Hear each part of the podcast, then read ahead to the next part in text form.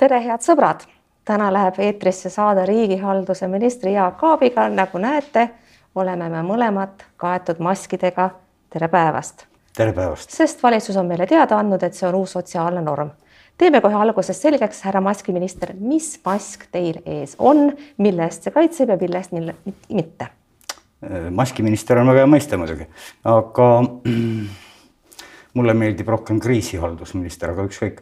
et. Äh, maskiministriks mask... jääte igavesti, sinna pole enam midagi parata. mis mask see nüüd on teil täpselt ees? tähendab, see on äh, üldmõistena kirurgimask, see on meditsiiniseade, mis peaks filtreerima siis erinevatest osakestest ja ka aerosoolsest nakkusest üheksakümmend viis protsenti no see on norm, tegelikult äh, me ju ise näeme, et ega ta vaakumiga siin ligi ei ole. no täpselt, mis kirurgimask see säärane on? enamuse ta siiski filtreerib et äh, tal on spetsiaalne materjal sees, mis on just äh, aerosoolset nakkust või neid osakesi filtreeriv. ja sellepärast erineb ta sellest teisest mastist, mis on kasutusel lihtsalt tolmu vastu ja teiste mikroosakeste vastu. minule visuaalsele vaatusele paistab see täpselt samamoodi nagu tolmumask. kas see on nüüd see mask, mille te ise hankisite või on see Magnumis Semetroni hankemask? Ei, see on äh, riikliku hanke käigus hangitud mask, äh, see on tulnud Euroopast, Saksamaalt.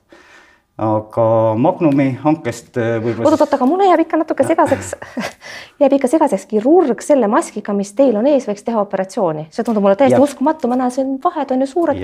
see on täitsa uskumatu. et kirurg kasutab igapäevatöös seda maski, sellepärast üldmõistena teda kirurgimaskiks kutsutaksegi. praegusel jah, selle pandeemia ajal on ta kaitseb, kõige rohkem kaitseb ta teist inimest, et kui mina hingan välja, siis ta filtreerib ära selle, mis minu hingeõhus on ja see ei kandu teile. ja, ja sissepoole on tal ka teatud kaitseefekt, aga ütleme, et ikkagi tasub pidada distantsi, isegi kui mask on peas, ikkagi teise inimese nina all ronida ei tasu. Teate, mul ei ole mitte mingit plaani teile nina alla ronida, aga kõigepealt räägimegi maskidest, Magnumi asjade juurde me jõuame, aga kõigepealt see teie lennujaamas käik, ausalt öeldes te nägite välja seal ikka täiesti nagu Sangor seiklusfilmis. erakond võttis sellest viimase ja ma arvan, teie ise teete parema häälteskoori, kui te kunagi varem olete teinud, aga kui tõsiselt rääkida, mis teil arus oli, miks teil sinna tarvis üldse ronida oli? minu eesmärk oli ainuke ja üks. paist, paista võib see kuidas tahes, aga see oli anda Eesti inimestele signaal, et meil on jõudmas isikukaitsevahendid Eestisse kohale lennukiga ja need on saadaval siis nendel inimestel, kellel seda vaja on eesliinil. kas te ei saanud Arstid, aru, et sellest tehakse uudis nii või teisiti? ma arvan, et äh, vot uudise juures on nii visuaalne kui sõnaline pool oluline ja ma arvan, et see pilt jõudis kõigini ja kõik said aru, et isikukaitsevahendid ka esimese riikliku jaotuskava alusel jõudsid Eestisse. nii et põhimõtteliselt see pilt, millega te nüüd olete korduvalt uudistes olnud, see, seda me võime kasutada kuni valimiskampaaniani välja? ma ei tea, ma, ma olen öelnud, et äh, olete ise rahul sellega? võib-olla kui tuleb äh, viimane Hiina hange, võib-olla lähen ka siis sinna lennukile vastu, mis on ju esimene on tulnud ja järjest tulevad järgmised lennukid. Kas te seda lugejakirja paroodiat olete näinud, äh, mis tehti teist, sinna kirjutati Reinsalul ja, ja Reinsalu oli küll kaasas, aga kirjutati lisaks veel juurde Jüri Ratas, kuidas rahvas teid, rahvas teid kätele kannab tänuks selle eest, et olete nii julged mehed ja läksite lennujaama lennukile vastu. teate, minul on viimased nädalad olnud nii tihe töö, et selliste asjade peale pole mina küll mõelda jõudnud aga mis see Reinsalu ikka sinna kaasa tuli, kuidas ta pressis ütles, et kuule, Jaak, et ma tahaks ka pildile saada, et võta mind ka või kuidas see käis? välisministril oli oma põhjus, sellepärast nad tulid sinna Läti saadikuga, kuna osa sellest kaubast selle lennuki pealt läks ka Lätile. me aitasime transpordiga lihtsalt niimoodi kokku leppida, et see tarnija Hansa West tõi siis ka Läti koguse siia ja nad said viia selle Lätti. aga kus teil mõistus oli, juba siis pidi kaks meetrit vahet hoidma, te seda ei hoidnud, miks? Oma arust ikka hoidsin, nii palju kui ma suutsin, seda hoidsin, isegi foto peal me olime üksteisest eemal, mitte päris koos. aga tegelikult ei tohi ju lennujaama platsil seal üldse niisama töllerdada, kuidas teie tohtisite? noh, see oli kokku lepitud lennujaama meeskonnaga ja erakorraliselt meil sinna lubati vastavalt turvameetmetega, läksime läbi, kontrolliti üle, saadeti meid sinna platsile, viidi platsi pealt ära. nii et see oli kontrolli all ja need maskid, mis valitsusse läksid, võtsite kohe lennujaamast kaasa, sest ega te ei hakanud ju ometi kuskil sabas seisma pärast? ei, seal on oma protseduurid, kõik need asjad käivad läbi tollilaost toll vaatab nad üle, Tehnilise Järelevalve Amet, Tarbijakaitse Tehnilise Järelevalve Amet kontrollib ära nende vastavuse standarditele, kui vaja, siis ka Terviseamet ja alles siis saab nad kuskilt äh, laiali vedada.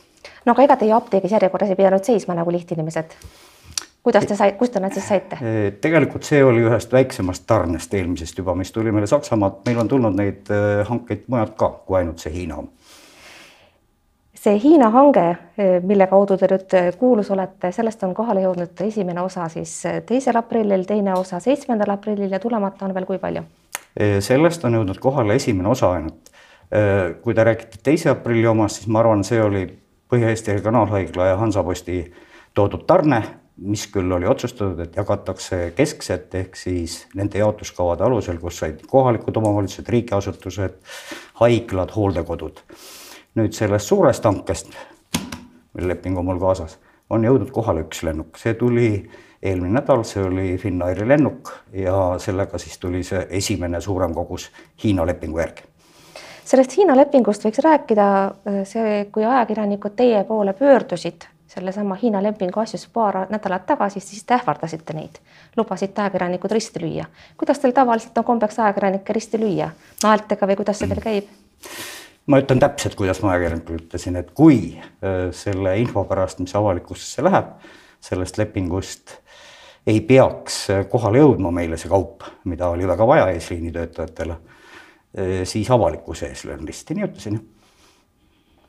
Et lööte nad avalikkuse ees risti mm? -hmm. sest siis oleks nemad süüdi olnud selles, et see kaup oleks siia jõudnud see on väga kummaline, kuidas ajakirjanikud peaksid siis olema süüdi selles, et nad teevad oma tööd? ma ei saanud päris hästi sellest selgitate? teatud info levitamine võib mõjuda kahjulikult, nii nagu ma ütlesin. E, mina olen selle asja sees olnud kolm nädalat, see ongi sõda, maailmas on maskisõda. noh, mitte ainult maski, vaid kõikide teiste isikukaitsevahendite sõda. Ja ma arvan, et võib-olla mina ja meie suursaadik Andres Unga Pekingis teame täpsemaid detaile, mis siis tegelikult toimub. aga selgitage meile, kui suur see oht siis oli, et me sellest ilma jääme, ajakirjanike ähvardamine sellises kontekstis on ikkagi päris tõsine asi. tahaksime teist aru saada õigesti, et see oli kuidagi. ma arvan, et ma ei olnud ka nii kuri ähvardav, ma lihtsalt ütlesin, et mis võib juhtuda. ja et siis ma kindlasti ka ütlen, kes on süüdi, kui midagi jääb tulemata, sest äh, ma tean, mis toimub Hiinas, seal nende vabrikute uste taga, tootjate uste taga, seal on rekkad järjekorras ja kõnnivad ringi ka sularahakohvritega inimesed, kes lihtsalt ostavad üle, üritavad äri teha, tarnida kogu maailma neid maske. ja hiljuti tuli ka USA sellele turule, kes pakub väga kõrgeid hindu, ostmishindu ja ostab üle lihtsalt kas meie saime Hiinast täpselt seda, mida me tellisime ja selle hinna eest, nagu meile tundus mõistlik? Jah, et no ma hinna suhtes ikkagi kommenteeriksin, ma ei taha ka üksikasju öelda, sest muidu läheb jälle selleks üleostmiseks, aga. no ei tahaks ju ka, et keegi risti lüüakse. jah aga no kui siin on käinud kirurgimaskist on olnud juttu, eks ju, palju, mis hinnaga Ekspress tegi minu teada ühe tabeli ka. ja seal me nägime, et ikkagi umbes seitsmekümne sendi juures olid need üks mask, siis Hiina lepingus on nelikümmend neli USA dollari senti ehk siis nelikümmend eurosenti FFP2 on üks koma kuus dollarit, ehk see on siis üks koma nelikümmend viis eurot. siin müüakse praegu nelja, viie, kuue euroga. kuidas seda siis seletada, ma mäletan ka seda uudist, kuidas Elvas vist müüdi täiesti ulmeliste hindadega neid maske. no ma arvan, et üks asi on see, et siin on suur kogus ja see on riigihange, riiklik leping, kus siis õnnestus leida see tootja läbi suursaadiku Hiinas, kes võttis siis mõned pakkumised sealt turult ja me valisime nelja pakkumise vahel ja leidsime selle oli, mis oli kõige soodsam ja kõige kiirem tarnete puhul. nojah, ma saan aru, teie hindu turul otseselt ei reguleeri nii või teisiti, et see ei ole teie haldusala, kuid teeme selgeks eh, mõned muud asjad, neid hankeid on olnud mitu ja ajakirjandusest on jäänud mulje, et see Magnumi hange, millega ei saadud seda, mida alguses lubati, on ka kuidagi teie vastutusalas. missugune on teie puutumus nende Magnumi hangetega? No Magnum äh, hankis selle Semetroni abil, Semetron OÜ on selline, kes toob meditsiinitarvikuid, ma ei tea, isegi vist on kontserni osa ühes kontsernis Magnumiga. ja Magnum kavatses hankida jah, päris suure koguse maske, et tuua need siis apteeki müügile. Ja riik oli tegelikult valmis ju nende käest ka neid ostma, nii et selle jah, me vähendasime seda kogust, kuna meil juba teatud kriitiline varu oli, lõpuks tegime lepingu neljasaja tuhande peale. see oli vahetult enne seda, kui see lennuk siia jõudis. kui lennuk oli siia jõudnud ja tollist läbi käinud, siis Tarbijakaitse Tehnilise Järelevalve Amet ütles, et need ei ole kirurgimaskid ehk meditsiiniseadmed, vaid need on need tavalised FFP1 kaitsevahendid, mis kaitsevad tolmu mikroosakeste eest ja, ja siis ma võtsin ühendust, ütlesin, et meil ei ole sellist lepingut, meie selliseid maske ei osta riigile. ma ei saa selliseid äh, mitte meditsiiniseadet äh, haiglatesse, hooldekodudesse sotsiaaltöötajatele anda. ja Aga... siis nad otsustasid ikkagi selle müüki panna. ma arvan, et põhiline asi, mis äh, avalikkust eksitas, oli see, et nad rääkisid ise kirurgimaskidest kogu aeg alguses. ja siis tuli noh, välja kui oli ära kontrollitud, et see ei ole kirurgimask, see ei ole meditsiiniseade, see on noh, ehituspoodides enne müüdi selliseid maske nagu. noh, pulmumaskid ütleme otse ära. Uh. -huh. nii ta oli, aga eks nad otsustasid selle müüki panna, nad oleks võinud võib-olla rohkem rääkida, mis asi see müügile tuleb, täpsemalt informeerida, nad tegid pressiteated, ka mina tegin pressiteate, seletasin ära põhjuse, miks riik ei ostnud nende käest neid maske ja ütlesin, et nad lähevad apteeki, aga et nad ei ole kirurgimaskid, see selgitus oli olemas. hästi, niipea kui need maskid olid kohale jõudnud, apteekidesse paisatud, läks valitsuspressikonverentsile, maskid ees, oli saabunud uus reaalsus ja Jüri Ratas, peaminister, ütles meile, et maskide kandmine võiks saada sotsiaalseks normiks. sellest rääkisid enne juba päris paljud inimesed ja valitsus koos Terviseametiga pidevalt eitas seda, et see võiks olla mõistlik mõte, millest võib ju saada selles mõttes ka aru, kuidas sa ütled oma rahvale, et kandke maske, kui neid maske pole. teisest küljest võib-olla oleks hulk nakatumisi suudetud ära hoida, kui valitsus oleks näiteks soovitanud inimestel ise maske valmistada. jah, kindlasti maski kandmine aitab kaasa, aga Arvan, aga küsimus käib valitsuse silmakirjalikkuse kohta. põhiline reegel, mis ikkagi takistab inimesi teineteist nakatamast, on needsamad lihtsad reeglid, mis on püstitatud kaks pluss kaks ehk kaks meetrit vahet, ainult kaks inimest, perekonnaliikmed koos. ja see aitab kindlasti rohkem kui kõik need maskid kokku. jah, aga kas teile ei tundu, et valitsus käitus silmakirjalikult? ei, ei, see oli Terviseamet, kes neid juhiseid andis ju, võib-olla alguses oli ka no Terviseamet istus koos valitsusega pressikonverentsil pidevalt. et ei noh, see on kogu aeg Terviseameti nagu juhis olnud ja valitsus alguses lähtus sellest aga hiljem ka see muutus, et kui oli võimalik ka Eestis hankida neid maske ja, ja, ja veidi normaalsema hinnaga, kui nad siin internetis müügil on, siis äh, kui on vähegi võimalik avalikus kohas kanda maski ja see ongi see õige suunis. Jaak Aab, kui te võtsite selle ametikoha vastu, kriisi, neid kriisivarusid hankima hakata, kuivõrd te saite aru, millesse te olete ennast mässinud? no suhteliselt kiiresti, sest äh, pakkumisi laekus äh, sadu. Äh, ja eks põhiline meie töö oli välja sõeluda need esimestest kiiretest pakkujatest mõnedki kogused, mis on usaldusväärsed. meie reegel oli see, et me ei maksa ette ühtegi makset nendel esimestel hangetel. kui kaup on kohal, on kontrollitud, siis võtame vastu ja siis maksame. Hiina hange oli suurem, kuna see oli ka siiski Välisministeeriumi ja suursaatkonna poolt kontrollitud tootja siis me olime nõus tegema see viiskümmend protsenti ettemakset, sest eh, noh, kõik Hiina tootjad seda tahavad. no selge see, neil on ka vaja materjali hankida ja kui suured kogused, siis on eh, rahasummad ka suured. võtame paar sammu tagasi, veel paar aastat tagasi oli teil üks erakordselt piinlik vahejuhtum, kui te jäite roolis vahele alkoholi tarvitamise jääknähtudega tookord te astusite küll ministriametist kiiresti tagasi, kuid te tegite seda eeldatavasti kerge südamega, teades, et järgmisel nädalal, järgmisel aastal on valimised ja erakond teid kuivale ei jäta, oli nii? ei, mina ei mõelnud erakonna ega kuivale jätmise peale, mina tegin selle ise selle otsuse, kes seda tulevikku teab, tol hetkel ma kahetsesin, et ma jääknähtudega rooli istusin, ei teinud seda kuidagi teadlikult, et ma rooli, rooli istun jääknähtudega ja, ja ka selle eest tuli vastutus võtta, ma võtsin selle vastutuse. noh, eks edasine elu läheb nii, nagu ta läheb, osalesin no, valimistel ja valijad järelikult noh, ma ei tea, kas andestasid selle eksimuse mulle. Igal juhul noh, jah, olin, osutusin Riigikokku valituks. no tegelikult see vastutuse võtmine viibis ligi, ligi kuu, te ikkagi päris piinlikult vassisite, enne kui see avalikkuse ette tuli seal on ka oma põhjused ja ma olen sellest rääkinud, miks, et äh, oli parasjagu eelarve läbirääkimised ja seni, kui need ei olnud lõppenud, enne ma sellega avalikkuse ette ei tulnud. see ei mõjunud eriti usutavalt, aga mis te ise kogu sellest loos õppisite? noh, ma olen need äh, kõik need õppetunnid ka inimestele välja öelnud. kui on veidigi kahtlust, kas või eelmisel õhtul on tarbitud alkoholi, siis parem mitte rooli istuda arusaadav, Jaak Aab, räägime ka sellest, mis on teie põhitöö, maskiministriks saite te koroonakriisi puhkemise tõttu ja eriolukorra kehtestamise pärast, kuid teie põhitöö peaks iseenesest ju olema riigihaldus ehk siis ettevõtjate ootuste kohaselt riigireformi elluviimine.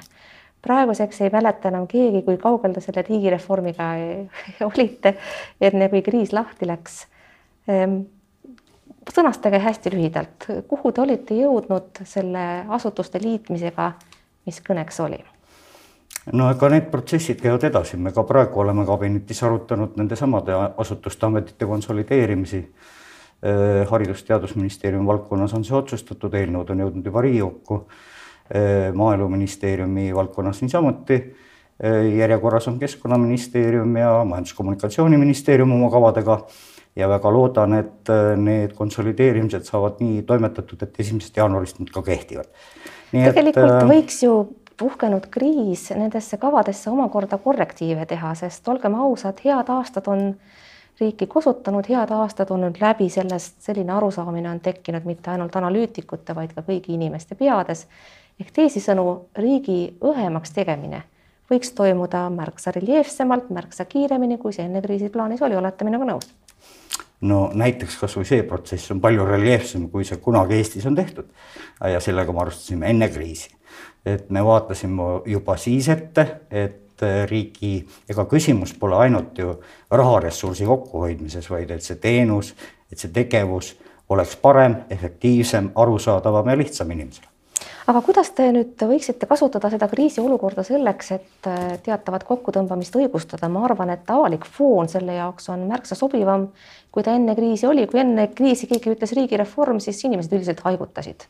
Neile ei tundunud see mõte kuidagi ei arusaadav ega lähedane.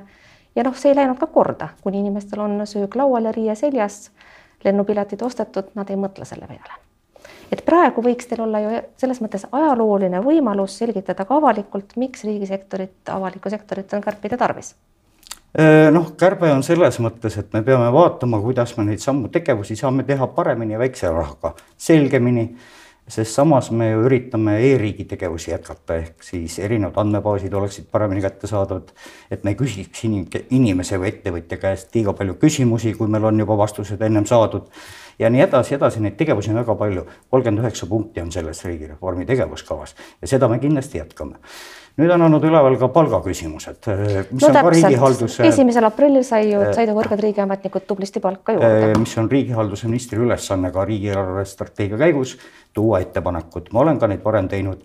Nende ettepanekute põhjal on tõstetud eesliinitöötajate palka eelkõige ametnike, tavakontorite ametnike palgad ei ole tõusnud Eesti keskmisest kiiremini ja selle kõrgemate riigiametnike palgamuster, kui keskmine palk kuue aastaga on tõusnud siin kuskil kuuskümmend protsenti, siis ametnikel viisteist protsenti. et räägime siis need asjad lahti kuidas te hakkate seda teemat valitsuses arutama? rahandusminister Martin Helme on öelnud, et riigisektori kärpimine ei tule kõne alla, kuna tema meelest see takistab majanduskasvu taastumist, samas Helir-Valdor Seeder, Isamaa esimees, on öelnud, et kärbitakse kindlasti praeguse me seisu, seisu põhjal võiks arvata, et krokodillid kogunevad siiski üsna pea. Äh, tähendab, tegelikult juba eelmisest aastast ka riigireformi tegevuste raames on loodud äh, riigieelarve revisjonikomisjon selline, kuhu kuuluvad ministrid, äh, ametnikud ja kes teeb ka ettepanekuid ja järgmised ettepanekud peaksid jõudma siis valitsuse ette teise kvartali lõpus. ja siis on näha, milliseid ettepanekuid sisaldab selle komisjoni nagu tööagenda, et kust me saame kokku hoida ja mida me saame eelarves kokku hoida. aga ikkagi, missugused need konkreetsed teie ettepanekud oleks, no näiteks seesama kõrgemate riigiametnike teema, sealt tuleb põhiseadus, et, et Riigikogu näiteks iseenda palka muuta ei saa ja noh, see on ka arusaadav, võib muidugi arutleda selle üle, et kas omal ajal see keskmise palgaga sidumine oli mõistlik või ta ei olnud mõistlik, aga jätame praegu selle kõrvale, eks ole. et mis need teie konkreetsed ettepanekud oleks, näiteks seesama kõrgete riigiametnike palga asjus? üldse palgasüsteemi asjus on minu ettepanek see, mis oleks õiglane ja läbipaistev.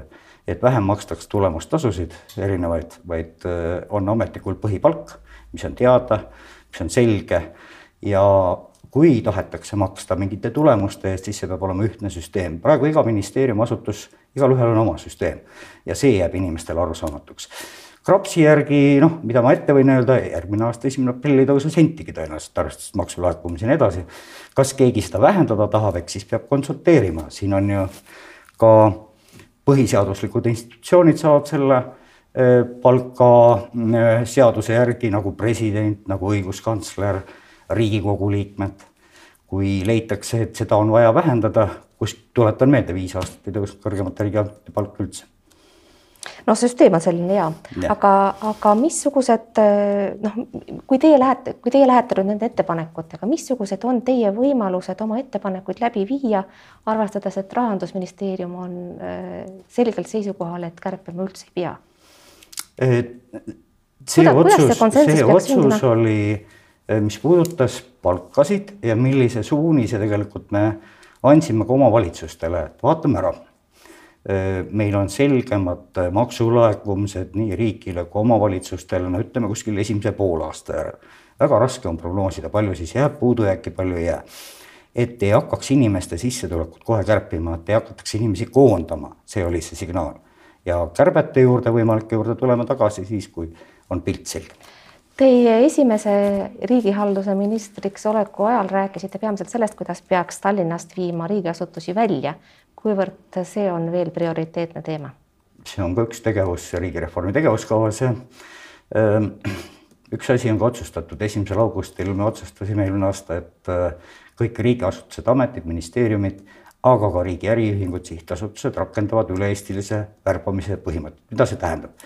kui töökoht jääb vabaks Tallinnas siis konkurss kuulutatakse üle Eesti, kui leitakse sobiv inimene Võrus, Põlvas, Kuressaares ja kui ta ei ole otseselt seotud Tallinna noh, ütleme inimeste teenindamisega või asutuste teenindamisega, siis võib ta palgata ükskõik millises Eesti otsas. kas pole nõnda, et eriolukorras õpitud kaugtööoskused võiksid jällegi siin teie ideede elluviimist toetada ja neile noh, kasu, sellele kasuks tulla, sellele plaanile? ma arvan küll, et me õppisime väga palju, me õppisime kaugõpet koolilastel ja ka riigiametnikud ju paljud on kodukontoris ja teevadki kaugtööd, et mitte olla koos suuremas massis. see on ka näiteks rahandusministeeriumis praegu nii. ma arvan, et see aitas kaasa ja aitab kaasa. muide, kui palju te ise üldse silmast silma suhtlete valitsuskabinetiga? ma saan aru, et te kannate maske avalikult, aga kas te omavahel ka kandate? mina olen käinud äh, selle kriisikomisjoni istungitel andmas aru siis sellest oma maski teemast. no ja mask on ees olnud või ei ole ees olnud? ei ole siiamaani, tunnistan päris tõsiselt, aga edaspidi. no puhas pakasuha ja mis me teeme siis nalja siin praegu, saatesse tulete maskiga, omavahel käite ilma maskita?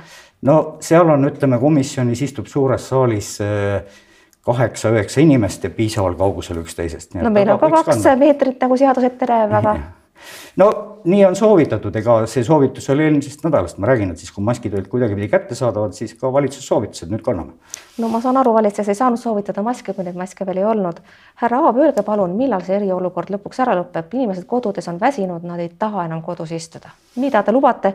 Helmed lubasid, et pikendatakse nädalavahetuse raadiosaates noh, jälle ma ei saa üksinda ju otsustada, eks seda peab siis kriisikomisjon kaaluma, kuulama, kuulama teadlaste ettepanekuid, kes oskavad prognoosida, kuidas see võib edasi minna vastavalt nakatunute arvule, vastavalt haiglas viibinute inimeste arvule. kas see kasvab, kas hakkab kahanema ja siis saab selle otsuse teha. mis oleks teie hinnangul mõistlik? Ma arvan, et kaaluda tuleb ikka, tuleb vaadata, kuhu need trendid lähevad. eriolukord, ma hästi ei usu, et see esimesest maist lõpeb sest on näha, et noh, meil on liiga vähe maad esimese maini, et saaks see olukord täiesti ju kontrolli alla või stabiliseeritud. küll aga ka eriolukorra sees saab kaaluda neid meetmeid, mis on piiravad. kas neid lõdvendatakse, ei lõdvendata, aga see oleneb täpselt sellest olukorrast, kuidas meil selle haigusega lood on. kui haigus hakkab järgi andma, siis võib seda kaaluda, mitte varem loodame, et see nii läheb, Jaak Aab, suur tänu, et tulite stuudiosse, head sõbrad, aitäh, et te vaatasite. vaadake teinekord ikka jälle, olge terved, elage hästi, nägemiseni, kuulmiseni